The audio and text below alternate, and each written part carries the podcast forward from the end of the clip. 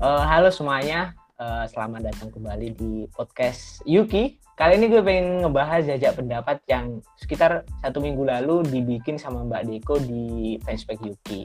Jajak pendapatnya soal uh, apakah kalian lebih prefer sama terjemahan yang pakai honorific atau terjemahan yang nggak pakai honorific. Tentu saja karena yang bikin jajak pendapatnya Mbak Deko kali ini gue udah temenin sama Mbak Deko juga. Halo Mbak.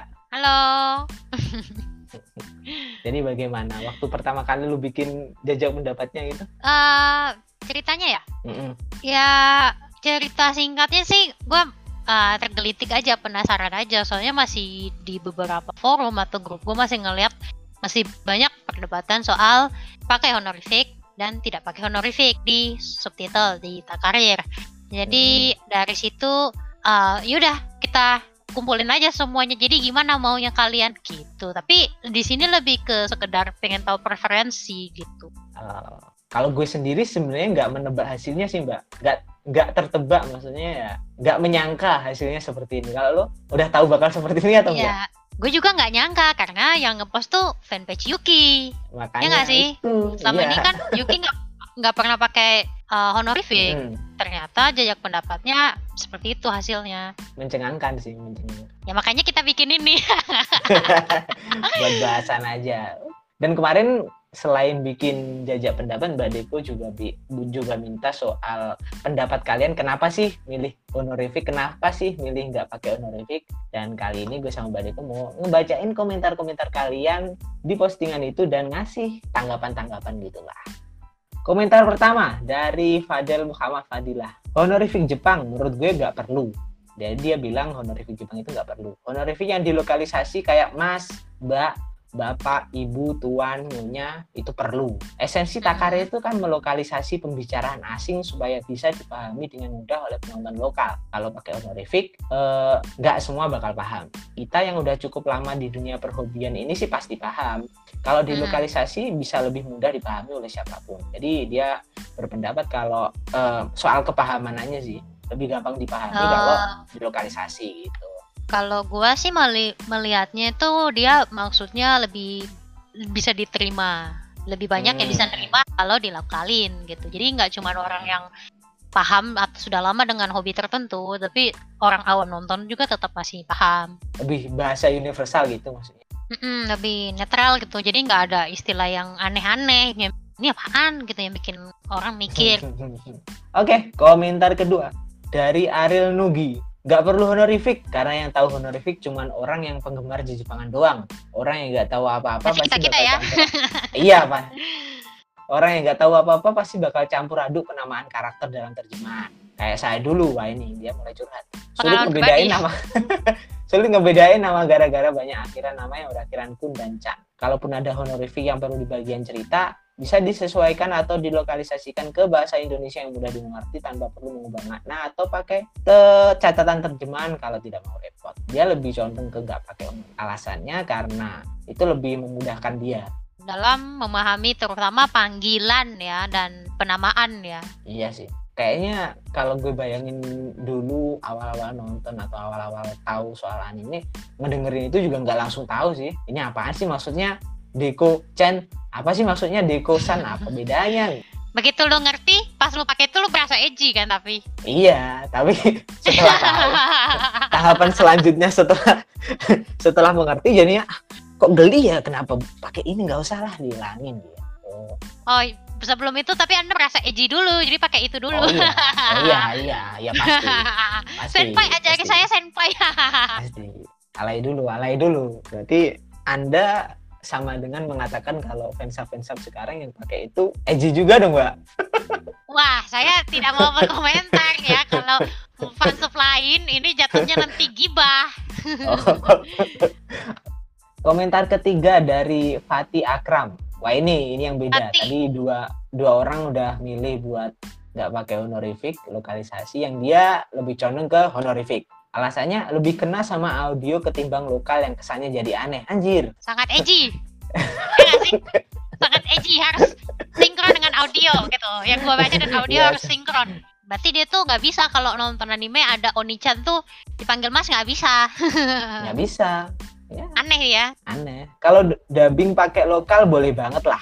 Jadi kalau dubbing dia masih oke. Karena dubbing berarti lu hantam audio semua ya. Ah, jadi audionya juga kedengaran seperti itu, nggak masalah buat dia. Eh, tahun 2015-an sempat gabung komunitas Jebangan yang cukup terkenal dan punya beberapa teman dari komunitas lain. Ketika gue tanya beginian, mereka lebih pilih honor. Eh, Mereka lebih pilih pakai honorific, alasannya karena lebih menjiwai. Oh, menjiwai. Wah, Lebih enak dibaca. lebih enak dibaca karena sesuai audio.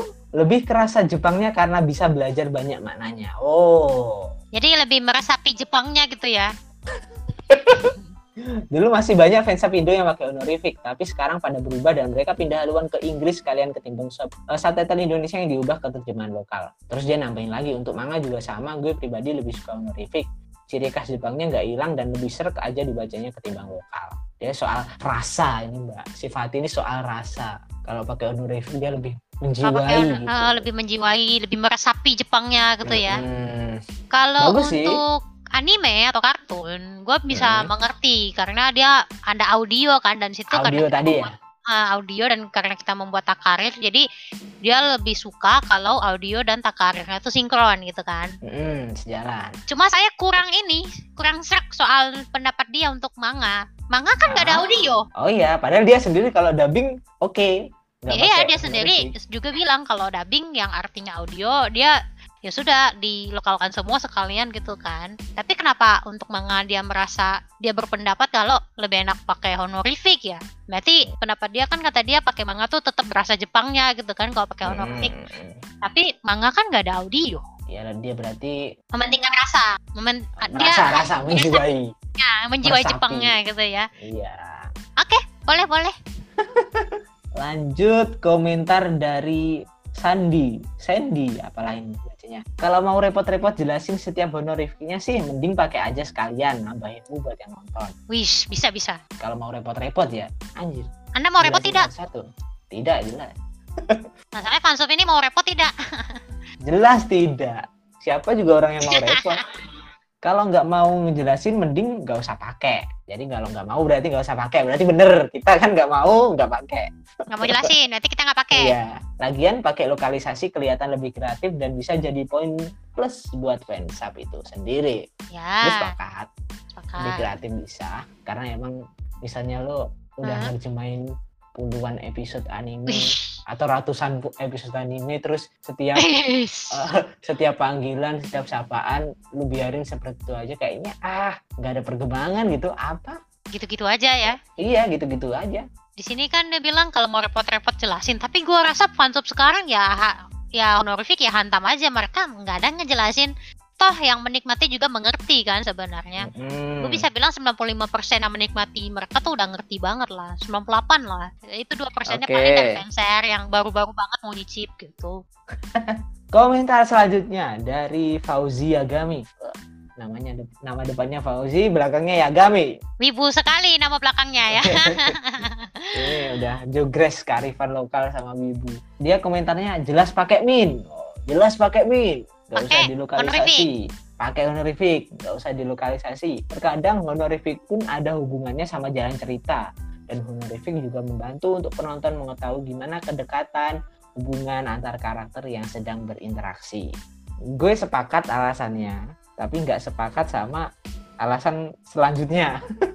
Iya sama. Terus poin apa yang lu sepakat kalau gitu? pertama gini eh, kalau honorific itu ada hubungannya sama jalan cerita bener beberapa kali ada kan mereka pakai eh, pakai clue honorificnya itu buat nunjukin ah ini dia lebih tua dihormati segala macam ada ada yang seperti itu tapi bahasa Indonesia kan nggak kalah luas pilihannya kita punya Ya, banyak pilihan uh-uh. buat menggantikan itu kita juga punya Sambil menunjukkan penghormatan atau rasa yang sama gitu kan. Mm-mm. kayak kemarin Ya, saya apa- juga sepakat dengan Anda. kemarin yang eh, session Butayaro Mm-mm. dia nyebut nyebutnya si Soko itu Soko Chan sama Soko San. Cuma beda Chan sama San. Sebenarnya awalnya gue pengen pakai honorific nerjemahan itu buat cari eh, suasana baru. Tapi kok rasanya ngebingungin. Bedanya cuma di Chan sama Sannya doang. Akhirnya gue bikin lokalisasi terus yang Chan itu gue pakai Dik yang San karena itu buat nyebut yang si Soko dewasa gue pakai K. Jadi Mhm. kan kelihatan yang satu Dik Soko berarti yang lebih kecil Heeh. yang Kak Soko berarti yang lebih besar. Walaupun namanya sama, tapi penyapaannya berbeda menunjukkan referensi ditujukan pada orang yang berbeda gitu kan. Pada orang yang Pada berbeda. karakter yang berbeda. Mm-mm. Gue rasa juga sama sih bahasa Indonesia masih tetap kok bisa menunjukkan kedekatan atau hubungan karakter kok nggak mesti kita paksain harus san chan kun gitu. Oke lanjut. Lanjut dari. ADLX Takua. Wah ini masih banyak sih mbak. Beberapa sih. ADLX Takua. Nggak perlu min. Toh juga kuping sudah dengar kalau pakai honorific nggak perlu dibaca lagi. Ini kayaknya sebaliknya dari yang atas tadi siapa tadi? Fatih Akram. Dia dia kalau audionya udah bilang honorific, buat apa subtitlenya juga pakai honorific? Udah didengar, udah tahu gitu. Hmm, jadi kalau menurut pendapat dia sekalian aja dilokalkan karena di audio pun sudah kedengaran Mm-mm. gitu. Oh, beda ya sama dengan yang tadi ya yang pendapatnya kalau audionya harus sinkron sama subtitlenya biar Nah. enak gitu lebih meresapi gitu kan. Tapi bagusnya suka Beda-beda. pendapatnya macam-macam. Lanjut, ini ya yang bawah-bawah udah terwakili sama yang di atas. Wah ini saya suka nih sebenarnya komentarnya pendek tapi menohok dari Pak Alif Fani Haja. Buat apa honorific kalau ada bahasa Indonesianya? Wah, Jadi sekalian aja kita bikin apa? takaris Jepang gitu. iya. Buat apa honorific kalau ada bahasa Indonesianya? Ya bener sih. Masuk akal sih berarti aneh aja gitu ya kalau kita mencampur bahasa Indonesia tapi ada chan kun san gitu ya. Mm-mm. Mungkin nanti kalau bahasa Indonesia lebih luas bisa jadi loh itu dimasukin ke kamus. kalau wibu di Indonesia udah terlalu banyak gitu. Aduh. Oke next terakhir yang paling panjang dari Albert Stefanus. Aduh. Saya sebagai salah satu saya sebagai salah satu pengikut lama nan setia Fansub Muisab dan Yuki Sab sangat suka dedikasi dan kekreatifan para tim dan suka relawan dalam mengubah panggilan honorific ke panggilan lokal. Menurut saya, pengubahan panggilan honorific ke lokal adalah bentuk kecintaan terhadap bahasa Indonesia. Karena pada dasarnya kita akan lebih gampang mengerti dan masuk jika menggunakan bahasa Indonesia. Jadi dia lebih bisa memahami kalau pakai bahasa Indonesia gitu Ya. saya mengerti ada beberapa pihak yang lebih suka mempertahankan panggilan honorific. Namun alangkah baiknya kita tetap pakai bahasa ibu pertiwi ini karena sebenarnya banyak sekali kosakata bahasa Indonesia yang jarang dipakai umum. Bayangkan dengan tim dan sukarelawan yang tepat, pemakaian kosakata yang jarang tersebut akan menjadi sangat kreatif. Bukankah itu luar biasa? Jadi ini Indonesia banget gitu. Nasionalis ya. Nasionalis banget ini kalau ada perang dia yang paling depan. Tapi matinya yang duluan. Bukan saya ya Albert, saya nggak ngomong apa-apa ya Albert. Itu si Hoshi. Dan terakhir dia ngakunya kan dulu dia tuh pecinta bahasa Jepang fanatik dan sekarang kan sudah ya men- lebih mencintai bahasa Indonesia. Jadi menurut hemat dia memakai bahasa Indonesia tuh menunjukkan kecintaan terhadap bahasa Indonesia dan dia rasa lebih kreatif dan lebih kaya jadinya. Oke. Bagus, bagus. Panjang dan apa ya? apa ya?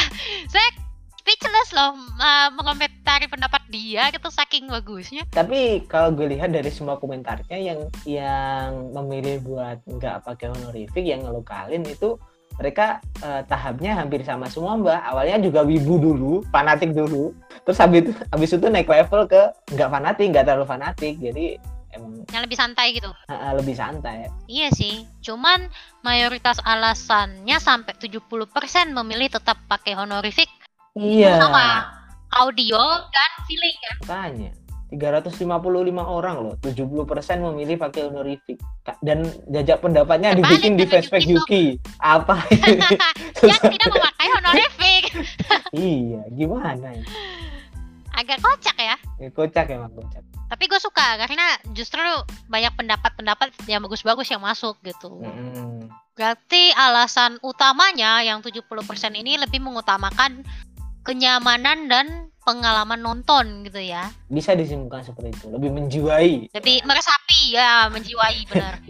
Pinjam bahasanya si Fatih tadi menjiwai. ya. Oke.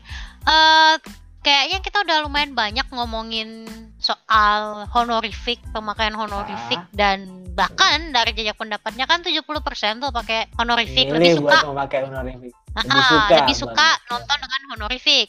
Hmm. Eh, sekarang gue mau em, minta pandangan dulu soal lokal, lokalisasi. Oke.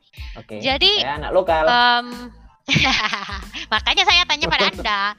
Jadi gue dulu pernah em, nonton eh, Supindo, dia Hmm. pakai lokal penyapaan yang agak bikin bikin gue tuh kayak um, berhenti bentar terus mikir apa ya kayak agak asing di gue tapi itu bahasa Hmm. Indonesia eh, waktu itu gue ketemu Mbah nah Oke. karena di daerah gue di tempat tinggal gue di lingkungan gue tuh nggak terbiasa dengan penggunaan kata Mbah untuk um, Sapaan maksudnya Mbah. kakek ya nenek kan nah. jadi gue sempat agak berhenti bentar mikir gitu gue merasa asing gitu gue tahu tuh bahasa Indonesia cuman gue asing karena di lingkungan gue nggak pakai seperti itu nggak pakai itu. Ah, tapi itu bahasa Indonesia gue tahu jadi yang pengen gue mintain pandangan lu itu soal em, lokalisasi tapi yang pakai istilah-istilah yang bawa kearifan lokal atau punya khas dari daerah tertentu gitu kayak Mbah tadi Em, Hmm. kalau lu sendiri lu akan pakai seperti itu atau tidak yang kayak panggilan Mbah atau eh, Mas gitu dan lain-lain Oh ya. Kalau gue pribadi masih ngelihat gimana sih setting atau latar ceritanya dulu sih. Kalau mau menerjemahkan kan kita pasti ngelihat settingnya dulu. Gue mungkin bakal pakai eh, sapaan seperti itu kalau misalnya katakanlah settingnya dia di desa, kelihatan di desa Hmm. banget gitu. Terus buat manggil orang yang lebih tua yang udah udah nenek-nenek, kakek-kakek, kayaknya malah lebih aneh kalau misalnya gue pakai sapaan nenek atau kakek gitu. Lebih Nek, baik gue pakai gitu ya mbah. karena kota gitu. banget gitu ya Heeh, terlalu kota kayaknya. Lebih baik itu tadi bener yang yang lu temuin tadi mbak pakai mbah gitu. Itu lebih ngena. Emang kalau eh, sapaan kita pakai lokalisasi kita harus mikir dua kali gara-gara harus menyesuaikan segala macam itu. Kalau kita nggak pakai lokalisasi kan gampang banget tuh, tinggal tulis aja Hmm. apa sih apa sih bahasa Jepangnya nenek kakek Obacan, Ah, ya kayak gitu dah. Berarti eh, lebih lu akan make yang lokal seperti itu, tapi eh, melihat konteks ya, berarti lihat ceritanya juga ya. Oke, kalau gitu sapaan-sapaan yang lokalisasi yang agak general gitu, berarti apa? Em, nenek, kakek gitu ya? Kakak, ya, abang buat, gitu ya? buat orang Mm-mm. nenek kakek buat orang lebih tua ab- kakak kakak itu kayaknya universal banget bisa dipakai di segala situasi ya, makanya sebenarnya bahasa Indonesia itu sangat praktis. iya Ngomong-ngomong soal sapaan lokal, kita punya beberapa em, sapaan lokal yang mungkin kalian kalau mendengarnya akan wah bisa ya. Oke, kita bahas satu-satu ya. oh iya ya boleh boleh boleh Yang pertama, apa? yang pertama, Mas, mas Nah, oke ini- umum sebenarnya, tapi nggak bisa Umum. dipakai general ya. bener bener orang ngedenger itu pasti langsung wah mas orang Jawa nih kayak udah sepaket gitu sebenarnya kan umum dipakai di mana aja Mm-mm, gitu mm-mm. Berarti yang lebih Mas. generalnya tuh abang gitu ya, bang gitu ya. abang ya gue Tapi- kalau nerjemahin buat Hah? lebih yang lebih tua eh, cowok yang lebih tua yang dipanggil kakak gitu selain kakak ya pakai abang menghindari Oh. mas lebih menghindari mas Tapi mbak, mbak itu bahasa Jawa, tapi kayaknya lebih general Mbak dan lebih Jawa. bisa diterima semua. Mbak, nah itu mas, mas itu kalah popularitasnya kalah sama abang dia kalau sama abang ya. Jadi Nah. mbak tuh lebih diterima di semua gitu ya. Asalkan masih. Indonesia masih bisa terima mbak ya. masih bisa Terus gue ingat di panutan kesayangan kita semua tuh pernah pakai babe. Itu lucu sih. oh babe Itu ya lucu. itu, itu kayaknya iya buat yang eh, keadaan yang biasanya orang orang-orang yang kolot gitu bapenya masih kolot atau gimana gitu biasanya pakai babe ya masih kena mbak masih masih masih sesuai aja Kena tapi gue merasa lebih lucu aja gitu. Karena babe itu kayak beneran panggilan rumah banget gitu loh. Panggilan yang gak lu bisa bawa keluar gitu. ah Terus eh, kalau mbak itu generalnya kita punya bentuk yang sedikit lebih lokalnya tuh neng. neng ya ya ya Ya kan? Hmm, Neng ini jarang dipakai karena susah kayaknya ya. susahnya gimana? Gue rasa neng itu nggak bisa di nggak biasa diucapkan semua orang dalam semua situasi. Lebih ke Ah, situasi iya, iya, kayak iya, iya. kayak misalnya preman lagi nongkrong terus Mm-mm. godain cewek lagi jalan. cewek. Mau ke mana neng? Ya gitu kan. iya iya iya Tapi di situasi tertentu lah. spesifik gitu situasional Heeh. Kalau enggak, memang kampung berarti ya panggilan neng itu. Mm-mm. Terus untuk kakek dan nenek kita punya abah. abah eh Ya, tapi abah, itu lebih ke arkais gak sih? Lebih ke bahasa yang halus banget gitu, yang sangat dihormati. Heeh. sebenarnya lebih ke bapak sih Abah tuh bapak berarti ya. Oh, Nah, ya di keluarga Cemara kan dipanggilnya abah ya. Hmm, Lu nonton gak sih keluarga Cemara? itu tahun berapa mbak kayaknya gue belum lahir Iya ada movie-nya tahun kemarin baru keluar. abah berarti bapak ya. nggak nonton ya bapak bapak tapi itu juga spesifik banget deh kayak babi tadi Eh kalau babe tuh lebih lucu, mungkin karena lebih kasar kali ya. Kalau abah tuh kayak lu lebih menghormati banget gitu loh. misal kayak kalau di Jepang apa ya keluarganya lebih religius gitu mungkin gue bakal ubah sebutan buat panggilan bapak ke abah panggilan ayah ke ab- Kalau babe tuh lebih ke tocan kali ya, ah, yang Oyaji. akrab sama anaknya. gitu, Oyaji. gitu. Oke, terus em, jelas ya kakek mbah tadi ya udah. Eh, selanjutnya itu buat panggilan abang. Ini alternatifnya sebenarnya lumayan banyak selain mas tadi. Ada di sini kang atau kakang. kakang Ya, ya ya ya bisa ada akang nanti ada teteh. Tapi itu kayaknya Sunda banget ya, AA ya. Sunda sekali Ya. itu nanti nanti subtitlenya ada teh gitu. Naon ada guys tapi bagus loh kadang kadang Ah. kita bisa dibikin tertawa sama subtitlenya sendiri itu bagus Tapi kayaknya bener sih kayak kata lu harus ngelihat konteks kalau misalnya kampung gitu ya. Langsung kita hajar aja kayak gini. Jadi lebih lucu aja gitu. Mm-mm. Jadi menunjukkan orang ini lagi ada di kampung dan ngomongnya emang lagi agak deso-deso gitu. Mm. logatnya udah berbeda masa diterjemahin sama Kayak misalnya kalau di Jepang tuh populernya misalnya ada murhan dari Kyoto ke Tokyo. Kyoto kan ibarat tuh Hmm. kampung banget tuh. Terus dia pindah ke Kyoto terus keceplosan tuh logat desonya. Nanti bisa ya kita pakai uh, Bisa, lokalisasi kayak benar-benar. gini ya. bukan cuma sapaannya doang tapi hampir semua kalimatnya kita bisa bikin pakai bahasa daerah gitu Tergantung level ceplosnya juga sih. ada apa ceplasnya ya bener sih Ah. Ya kan? Atau mungkin dia lagi teleponan sama temen-temennya di kampung gitu kan.